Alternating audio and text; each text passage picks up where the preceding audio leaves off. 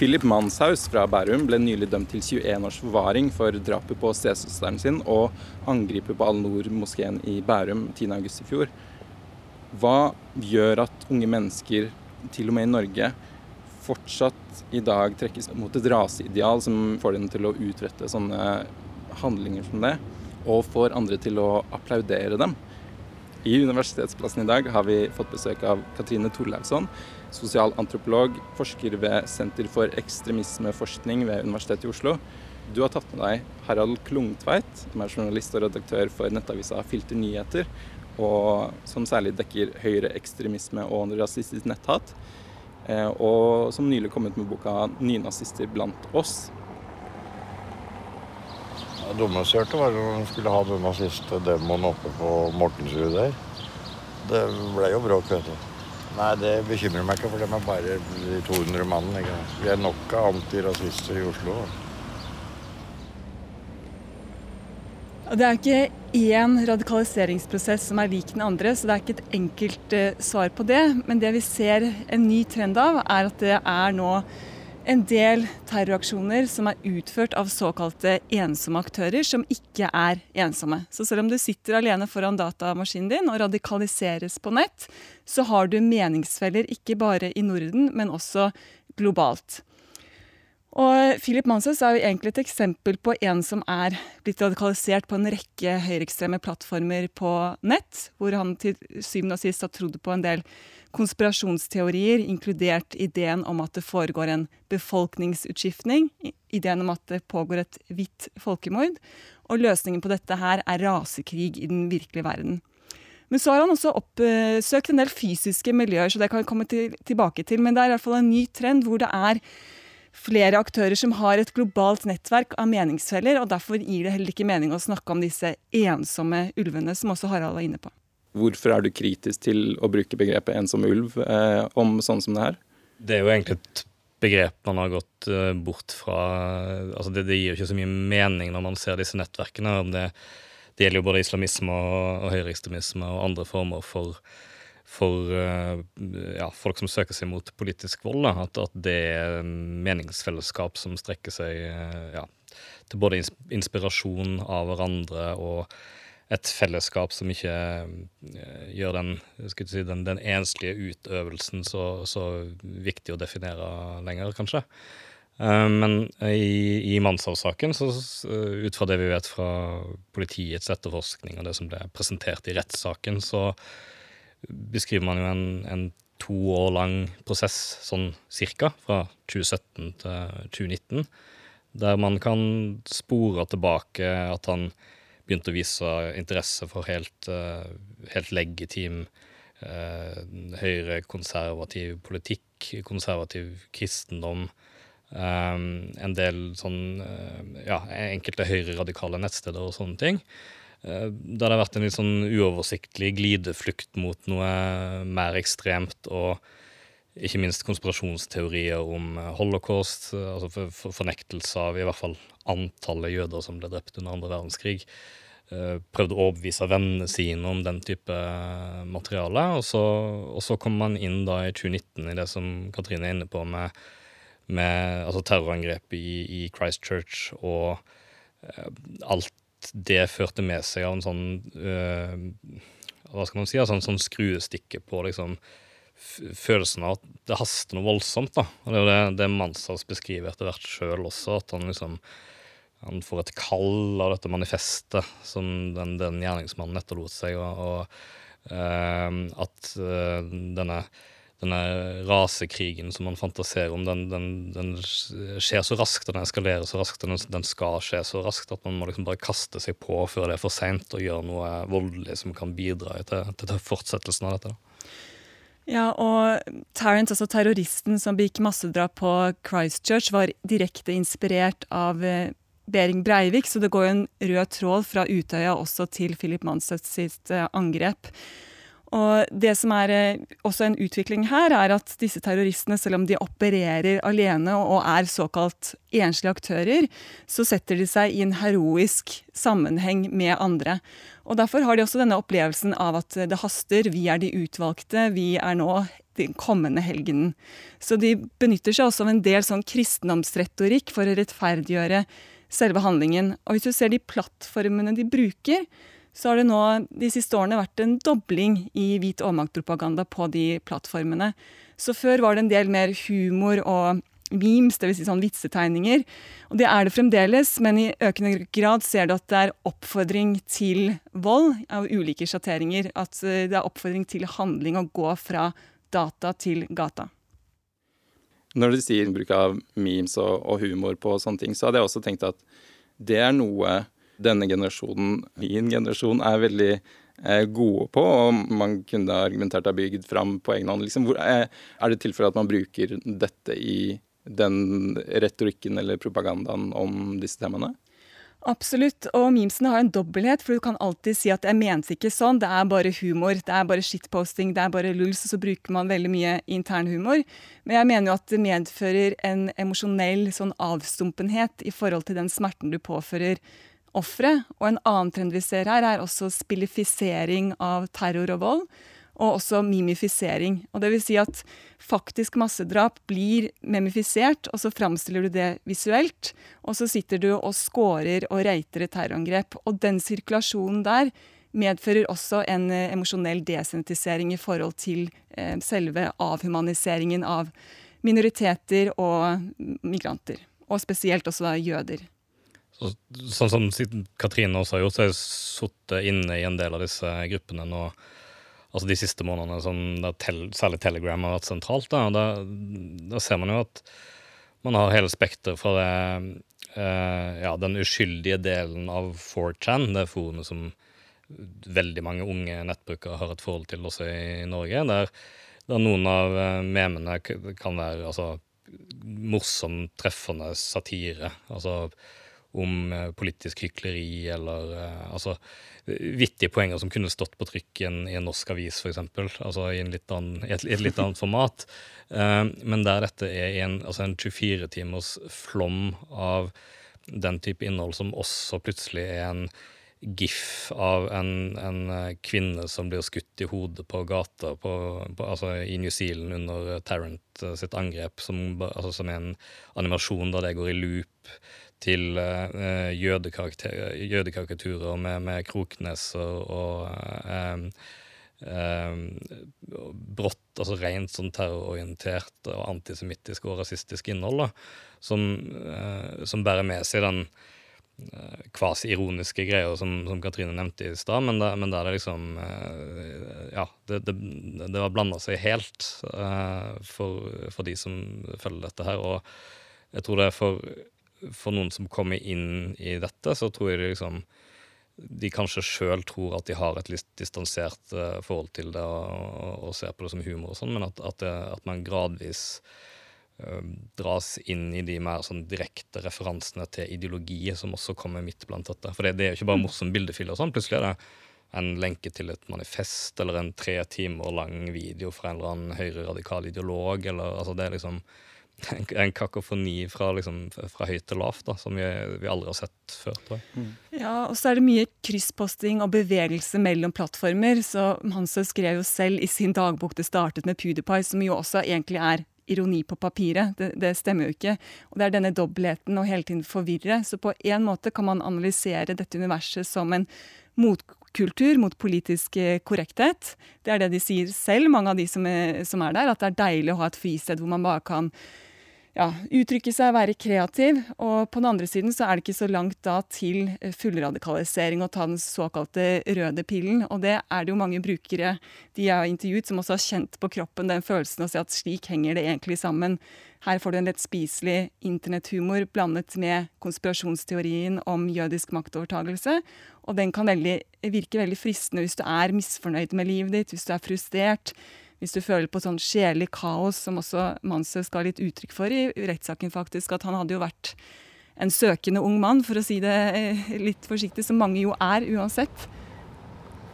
Um, en grunn til at ekstremisme oppstår, kan jo være at uh, når et uh, samfunn uh, endrer seg eller ting skjer, så er det jo ofte Man kan jo regne med at det skjer en motreaksjon på det. og en motreaksjon på at samfunnet vårt kanskje har blitt mer åpent, er vel kanskje ekstremisme, da. Har dette endret seg mye de siste årene? Eh, eller er dette en ny utvikling? Jeg eh, kan, da jeg, og dette er riktignok eh, begynner å bli en del år siden, innimellom besøkte 4chan i min ungdom, så syns jeg ikke det var så drastisk, drastiske motsetninger mellom det som var veldig ekstremt og det som bare var morsomt. på en måte. Er dette, er dette nye utviklinger eh, de siste årene? Det er forsket en del på det, og det er vært da spesielt på Politisk ukorrekt, som er et underforum, så har det jo vært en 40% økning de siste fire årene i nasjonalsosialistisk, nazistisk eh, propaganda. Og i økende grad er det mange som poster for å radikalisere andre brukere, og det er også infiltrasjon eller bruk av helt etablerte, åpne, fysiske nazistgrupper også, som eh, Freud, Krig Division, Atomwaffen, Siege-kulturen. Så det er på en måte mer overlapp, og ja, det er en plattform som er blitt radikalisert. Men så kommer det når de får den oppmerksomheten de ønsker, så migrerer de til andre plattformer, f.eks. For Telegram. fordi i kjølvannet av Christchurch er det naturlig nok vis blitt mer kontroll med en del av de eh, plattformene fra etterretning. Ja, nei, altså, jeg, jeg, tror også det som endrer seg mye, er hvor, hvor raskt det går, da, volumet på på det innholdet, eller hvor, mye, hvor stor andel av det og sånn. I disse, disse Telegram-gruppene nevner det litt i, i, i, boka mi også, at, at der er liksom Altså, du kan uh, Uansett tid på døgnet da, så finner du likesinnede. Altså, det har jo alltid vært tilfellet på internett, selvfølgelig, men her er liksom tempoet så høyt, og det er så mange uh, Og ikke bare konsumere innhold fra, men man kan ta kontakt med dem liksom, i den feeden, og man kan ta én-til-én-kontakt, avtale et eller annet på bakrommet eller opprette en relasjon der. Altså det, og uansett hvor, hvor, eh, lite eller mye man, ekstrem man er, så ser man jo folk man kan identifisere seg med, og som, som eh, i verste fall kan dra, dra, deg videre inn i en radikalisering. da, Man får stadig mer eh, aksept for, og i sine egne øyne, sånn forståelse og opplevelse av sannhet i, det, i, i mer ekstremt eh, innhold. Og det, det, er jo sånn Det, det er jo gråsoner hele veien. sant? Det, det er jo eh, altså det, er jo selvfølgelig ikke noe automatikk i at noen som har høyere radikale tilbøyeligheter, blir mer ekstreme. For mange stopper det jo der.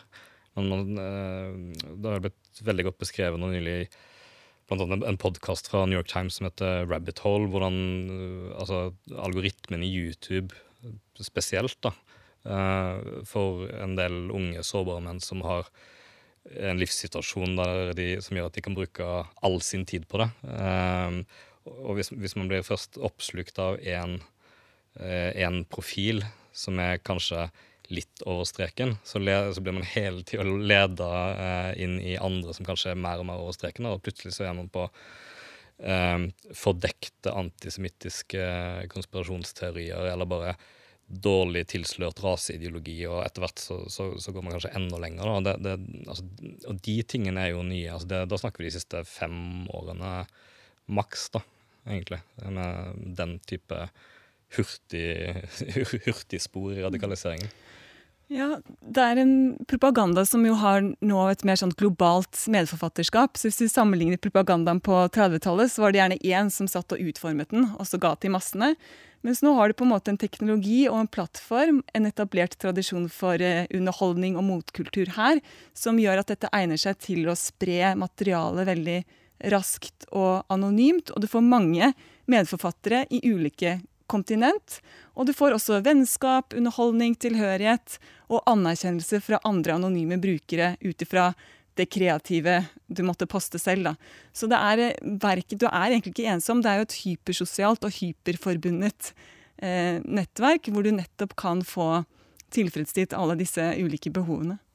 Yes. Den, den, eh. altså, den er en sånn veldig sterk outside Eller, eller veldig sånn god forsterkning av outsider-følelsen, tror jeg, hos mange. At, uh, for det, det, starter jo alltid med um, ytringsfrihet og demokratisering, sånn tilsynelatende. At uh, her er en sannhet som mediene ikke tør fortelle deg, eller som etablissementet har lagt skjul på. Uh, og det, det, er bare jeg som tør å kalle en spade for en spade. Altså det, det, det, gjenkjenner man jo fra høyrepopulistiske partier og sånn, men uh, radikalisatorene på YouTube eller på, på, disse andre plattformene har en, har en take på det som um, ja, som, som, fenger veldig mange. da. Ja, og så er det jo en plattform sant, Brukerne kan da diskutere islam og innvandring og mot politisk korrekte. Og hvis du så i tilfelle Manshaus, så var jo han veldig sosial, gikk på Blindern, hadde masse venner. Men så tilegnet seg han en del holdninger som gjorde at mange i hans nettverk og familie reagerte. Trakk seg litt unna han også. Og så til slutt, noen uker forut for terrorhandlingen og drapet på stesøsteren, så prøvde jo han å oppsøke et fysisk miljø. Fordi han lengtet etter meningsfeller også i den fysiske verden. Og det vet jo du litt mer om. Du har jo skrevet om den prosessen der.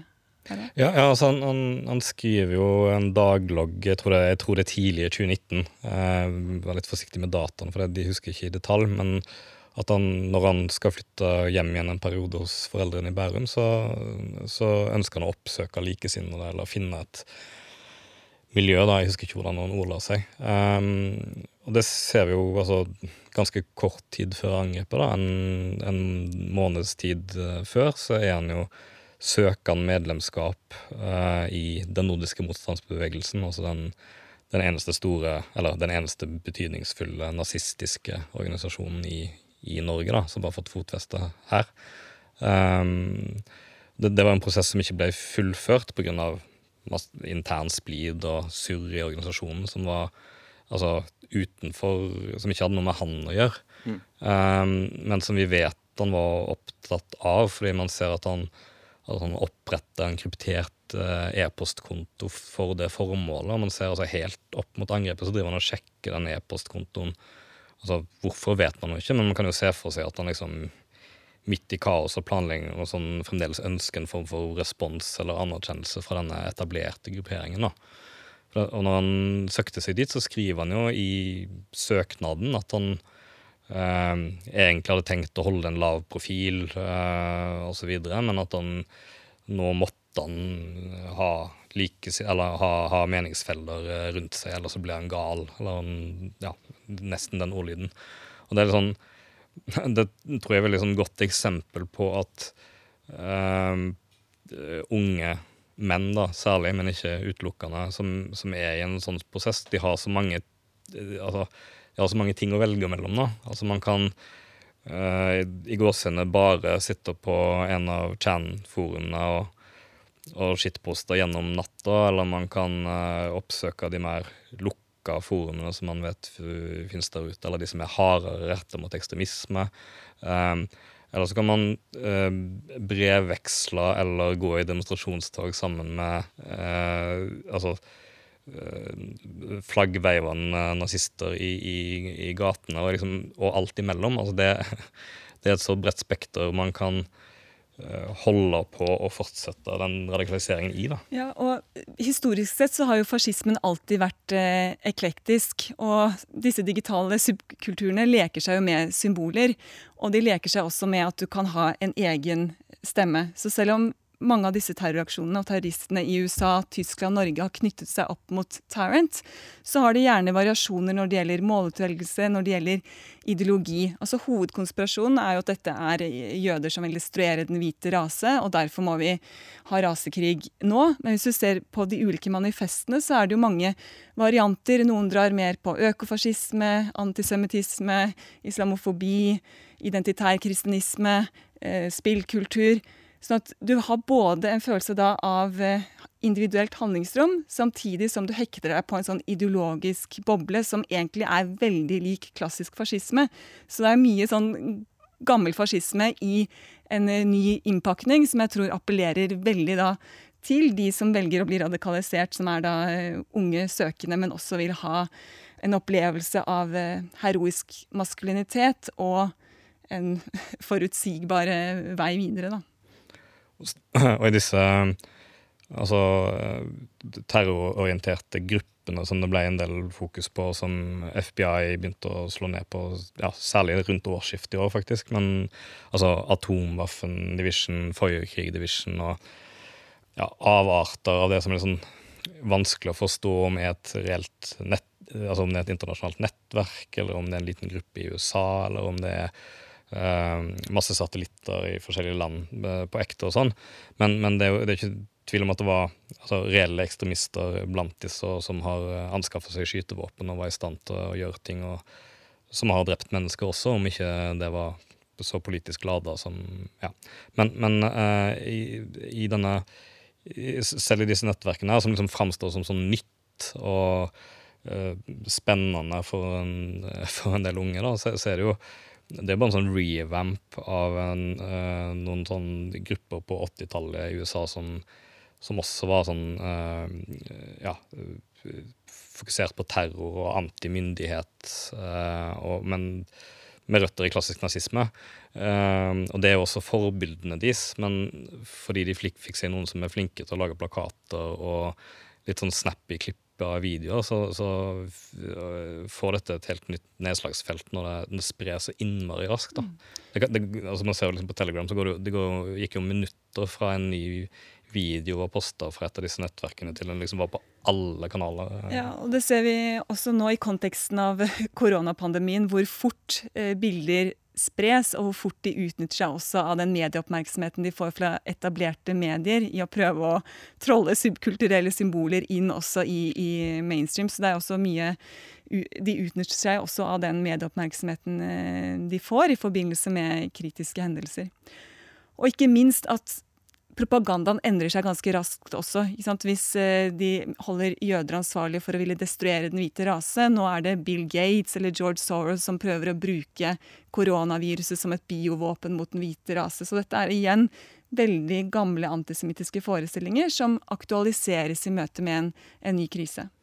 Jeg bruker en del tid på å følge disse altså etablerte miljøene i, i Norden, altså særlig den nordiske motstandsbevegelsen, men også noen ja, avleggere og sånn der. Og der sier jo at um, etter Trump-valgkampen og alt som har skjedd siden, så begynner jo de å liksom plukke elementer fra um, altså, altså rene memer og sånn, men også um, disse konspirasjonsteoriene som er som har et bredere nedslagsfelt. da. Altså, uh, Hvis du går i et litt sånn halvdrøyt kommentarfelt på et, øh, altså i en norsk nettavis, så ser du at liksom Eh, Soros og Bill Gates og en del sånne ting dukker opp i alt fra vindkraftmotstand til, uh, altså til, til, nazisme, skulle jeg til å si. Altså det, um, så, så det jo, man trenger ikke være høyreekstrem for å bli uh, ha en dragning mot disse, uh, disse konspirasjonsteoriene, og det, det utnytter jo nynazister til å dra trafikk til sine nettsteder og skape nysgjerrighet blant folk som kanskje ikke var på den galeien i utgangspunktet, da, men, uh, og der det kanskje um, Der jeg har blitt flinkere til å tone ned at det er jøder eksplisitt de er, altså som, som, pekes ut uh, i, i disse og, og, og, bruke en del omveier, sånn at, um, sånn at, at det er mange veier inn. da, altså man på nettstedene og podkastene deres og sånn, så er det liksom alt fra feiring av Hitlers fødselsdag og liksom hakekors og eh, det mest outrerte som liksom folk forbinder med de, eh, til sånne eh, ja, altså tilsynelatende ironiske og litt sånn ung profil på ting som man kjenner igjen fra amerikanske alt-right, eh, der det liksom er Man bruker kodeord eh, på tingene og er litt sånn og ler av venstresida som, eh, som hauser dette så mye opp og altså, man, man bruker, bruker, alle de faktene. Mm. Nå har vi snakket om uh, unge, frustrerte menn. Jeg tenkte også å komme litt inn på kvinner. fordi Mansøs var jo også innom Red Eyes TV. altså Det er visse plattformer her, og kvinner har jo også en rolle, selv om de er mindre framtredende i den selve voldsutøvelsen ofte, så er jo de med, og de er koner, og de rekrutterer, og de prøver å mainstreame. Gjøre dette spiselig for å nå ut til eh, bredere eh, publikum. Så det er også eh, interessant at disse tradisjonelle kvinnerollene, det er veldig fokus på heteronormativitet, dvs. Si det skal være mann og kvinne, LHBTQ-rettigheter, det er ut. Og eh, de skal også forankre denne unionen da, mellom mann og kvinne i et kristenkonservativt verdisyn. Så det er også, kan være også appellerende til noen som gjerne vil da ha en mer eh, forutsigbarhet og Eh, sånn som også da Manshaus nevnte i, i rettssaken, at han var på jakt etter en partner og ville etablere seg på en gård og få mange barn. Så kjernen hans, slik det også ble framført eh, under domsavsigelse nå, er jo dette med å beskytte den hvite rase, og at den hvite rase må få nok barn. ikke sant? Det er, eh, blir framstilt som en sånn reproduksjonskrise også. Mm. Ja, sant, De framstiller jo homofili eller alle skeive som en trussel mot kjernefamilien som skal opprettholde den hvite fødselsraten. Um, men, de, men de, de, strever jo litt med det homohatet sitt, fordi det er så det er jo såpass lite utbredt i befolkningen i, i både Norge og, og, USA, faktisk, at det, det, har jo ikke så mye traction som de hadde håpet på. Altså når, når den nordiske motstandsbevegelsen sånn virkelig skulle lansere seg i Norge, så var det jo med en sånn eh, hatkampanje mot pride og mot eh, det de kalte homolobbyen, men som var, de mente jo homofile.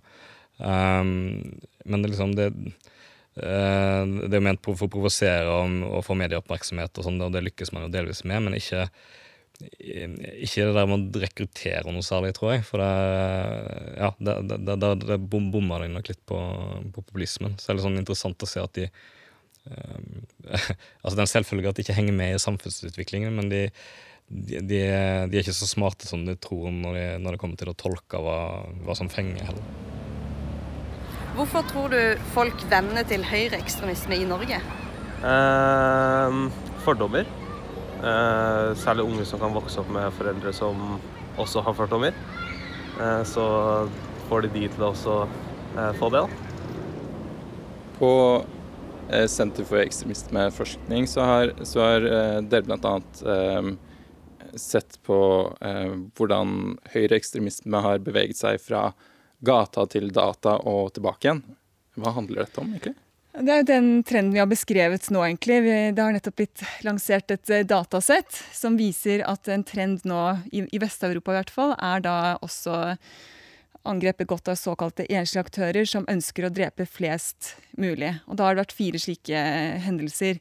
Og så, hvis du ser globalt sett, så har det jo vært enda flere, fordi de knytter seg til eh, terroraksjoner begått i USA, New Zealand og nå også da i Tyskland. Så de skaper seg selv mening. De lager en sånn En ting er at de blir inspirert av hverandre, men de setter seg selv også i, i sammenheng med hverandre. Eh, og så ser vi også at det er en del da som har blitt radikalisert i digitale subkulturer. Tar med seg både ideologi og symboler fra den og ut i protester. Og det ser vi nå i kjølvannet av protestene mot politidrapet på George Floyd i USA. Hvor det er noen protester som har vært infiltrert av høyreradikale og høyreekstreme grupperinger, f.eks. Boogaloo Boys, som kommer fra et annet board på 4chan f.eks. Og også driver med veldig mange sånn motstridende lek med symboler. Noen sier at de sympatiserer med Black Lives Matters, andre sier, poster hvit overmaktsideologi. Så det, så det er vel mer det at de faktisk er en generasjon som vokser opp med smarttelefon som er utrolig mye på nett. Og dette skillet mellom offline og online gir egentlig ikke helt mening i det 21. århundret lenger.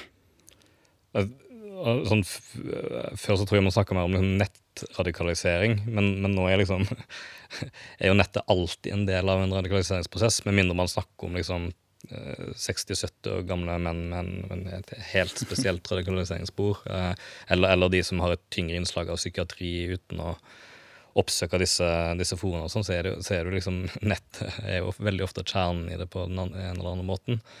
Um, men sånn fra gata til data spilte vel på at man uh, altså Tilbake på 90-tallet så at liksom rekrutteringen gjerne foregikk på hvit makt-konserter, eller at uh, kompiser tok med seg andre Altså man, man, tok med venner inn i dette miljøet, altså venner man hadde fra før inn i dette miljøet og sånn. Mens nå, nå, Det kan jo skje, uh, men, men, nå er jo radikaliseringen for det første internasjonal og um, ja, på, på, kryss og tvers via, via ulike nettplattformer. da.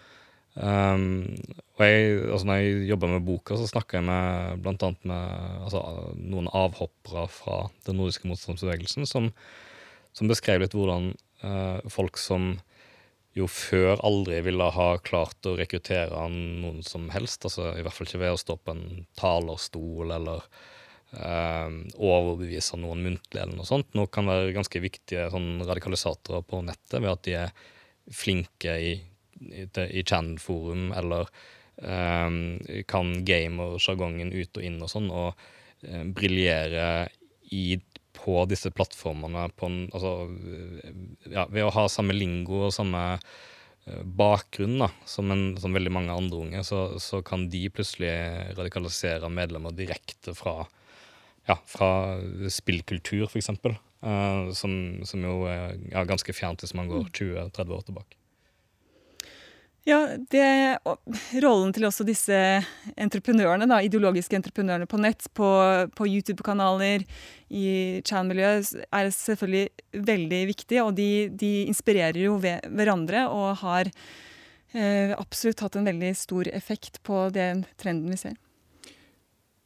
Um, nå er det jo virker som at det er veldig mange som blir um, radikalisert på um, på ganske liksom lav basis, og at det, det sto, uh, virker som at det er en stor gruppe med mennesker. Men det er jo ikke hvorf, Hvorfor er det Det er ikke så mange som har uh, begått liksom, terrorhandlinger og, og, kommet til det punktet. Hvorfor er det, hvorfor er det sånn at det er noen som ender opp der, men de fleste gjør egentlig ikke det? Uh, hvorfor skjer det? Det er jo det er veldig viktig. Altså, det sitter jo ikke tusenvis av Philip Manshauser eller Breiviker i, i Norge. Det, det, det, gjør jo ikke det. Um, men samtidig så er det, veldig, det er jo veldig skremmende når sikkerhetstjenestene nå de snakker jo helt åpent om at uh, altså mengden av sånn uh, borgerkrigsallusjoner og uh, ja, det som nærmer seg terrorromantikk og sånn, da, i, i, ganske sånn uh, breie innvandrerfiendtlige fora. Det, det, har blitt så utbredt at uh, altså det, det, det, er ikke engang meningsfullt for en uh, for noen inn, i, politiet å gå inn der og forsøke å finne ut hvem som er farlige, da, der ser alle farlige ut, på en måte. Altså da, da, da, ser man, altså det blir en altfor stor høystakk, og det i seg sjøl er jo er jo ganske skummelt. Samme som i Tyskland, at det er liksom eh, det er tusenvis av kandidater som man liksom uh, skal ja. prøve å sortere ut for. Ja, de siste fem-ti årene så har jo også grensene for hva det er mulig å si i offentligheten beveget seg veldig, og høyreradikale partier i Europa har blitt en del av det etablerte politiske landskapet. Og disse konspirasjonsideene om befolkningsutveksling er jo også nærmest mainstream. Og det er klart at da de høyre ekstreme aktørene som vil utfordre statens voldsmonopol, de får jo da oksygen fra det å føle at de er i et miljø hvor det er støtte til ytterliggående handling også. Men det er klart de aller færreste vil jo ta vold i, i eh, egne hender. Men i et politisk miljø, i en kontekst hvor du eh, opplever at her er det aksept for det, så kan også det gjøre at eh, ja, det blir enklere å begå vold. Katrine var inne på det i stad, men, men altså det man lærte i 2019, da, som jeg tror eh, heller ikke politiet og etterretningstjenester helt hadde tatt inn over seg, var, var hvor sterk effekt angrepene i seg sjøl har på å utløse neste angrep. Og hvis man liksom eh, i disse nettverkene og miljøene, da, altså når, man først får følelsen av at ballen har begynt å rulle, som jo var noe som skjedde når liksom, man hadde New Zealand, man hadde El Paso, man hadde altså, eh, Det var bare noen dager mellom masseskytinger i USA som derfor så vidt ikke var så Alle var politiske, men det er liksom sånn nå, nå skjer det, nå kommer liksom dette store oppgjøret uh, som man sitter og chatter om uh, hele, hele, dagen. Da, da liksom når hyppigheten blir stor, så hadde det en sånn selvforsterkende effekt som, som ingen helt hadde innsett konsekvensen av, uh, tror jeg. Så det, ja. Absolutt. og Det det man omtaler som akselerasjonsterrorisme. At de vil akselerere og destabilisere samfunnet for å oppnå rasekrig og det utopiske nye samfunn. Men for noen opplever jo at rasekrigen er her og nå. Og det var jo Manshaus også som kjøpte kjeks eller kjøpte mat til familien og, og, hadde den erfaringen at han var utvalgt. Han skulle være den fjerde såkalte disippelen. Så denne opplevelsen av hastverk, av, av å være utvalgt, den kan også erfares veldig sterkt hvis du sitter hele tiden inne på plattformer hvor det er eh, en akselerering der også i å radikalisere andre brukere. Uavhengig av hvor mange som mener noe, så eh, tenker jeg at det er viktig å ta det seriøst. Eh, fordi det er alltid et uttrykk for en holdning. Um, så jeg tenker at så lenge det er én person som har den holdninga, så er det verdt å arbeide aktivt mot det. Hva er de viktigste eh, grepene vi kan gjøre for å forhindre at, eh, at mennesker som vi omgås med, liksom radikaliseres på den måten da? Jeg tror det er eh, imøtegå konspirasjonsteorier. altså Utdanning og kunnskap er utrolig viktig. altså Liberalt demokrati, demokrati krever jo kontinuerlig forsvar for, for minoriteters rettigheter også, for universelle menneskerettigheter. Og så ser du nå en teknologi som muliggjør rask spredning av desinformasjon og, og hat og konspirasjonsteorier. Og da er det noe med, spesielt for unge som vokser opp med det, hvordan kan man ha de samme eh, kjørereglene der, og også oppmerksomhet på den smerten du påfører andre gjennom dehumaniserende, selv om det er humorelement, men dehumaniserende propaganda. Og så kan du si at For noen plattformer så er det allerede for sent, fordi du går dit fordi du vil gjerne ha den eh, underholdningen og bidra til eh, det globale medforfatterskapet av, av eh, propaganda. Og Da tror jeg man heller må begrense eksponeringen for hvit overmaktpropaganda. Og Da kommer vi inn på samtalen om dette med regulere internett. Vi kommer inn på samtalen rollen til de store tech-kompaniene. Facebook, Twitter, YouTube. Hvordan kan de forhindre at deres teknologi og plattform blir misbrukt av terrorister både når det gjelder livestreaming av drap, eh, massedrap, når det gjelder også spredning av eh, propaganda. Men noen av disse plattformene kommer jo alltid til, til å være her. De er en del av et digitalt økosystem, av en internettflora. Så da er det mer å bevisstgjøre, spesielt av de unge brukerne, på de dramatiske konsekvensene for de menneskene og for de kroppene som blir berørt, direkte berørt av den eh, propagandaen og, og voldelig handling. Hvis dere skal eh, liksom spå fremtiden, hvordan kommer disse høyreekstreme kreftene til å utvikle seg eh, de neste årene? Er det på økning, eller, eh, eller kan vi se en reduksjon, liksom?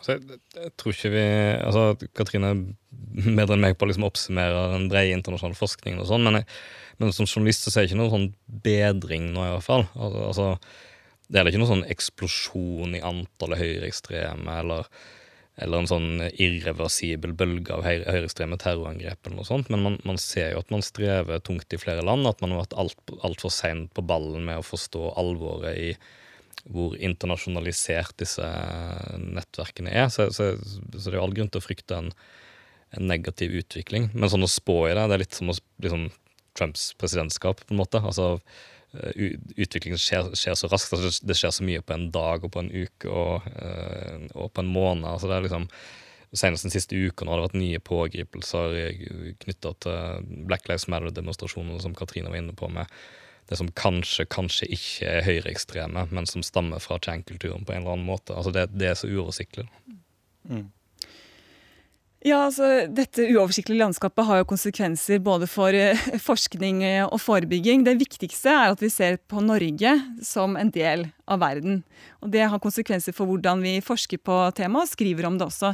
Det er ikke nazister alene i Norge, i Norden. De er i økende grad forbundet med, med verden og den globale flyten av eh, ideer. Men selvfølgelig lokal kontekst har fremdeles betydning. Er, og, og, lokal, og biografi har betydning, ikke minst det du har opplevd i, i ditt liv. Så de faktorene har, må også fremdeles forstås for å skjønne det hele bildet av radikaliseringsprosesser i dag. Da sier jeg takk til Harald Klungtveit, redaktør i nettavisa Filter Nyheter, og Katrine Torleivsson, eh, forsker ved Senter for ekstremismeforskning ved Universitetet i Oslo. Jeg heter Sondre Hølaas, og du har hørt Universitetsplassen, eh, og vi høres.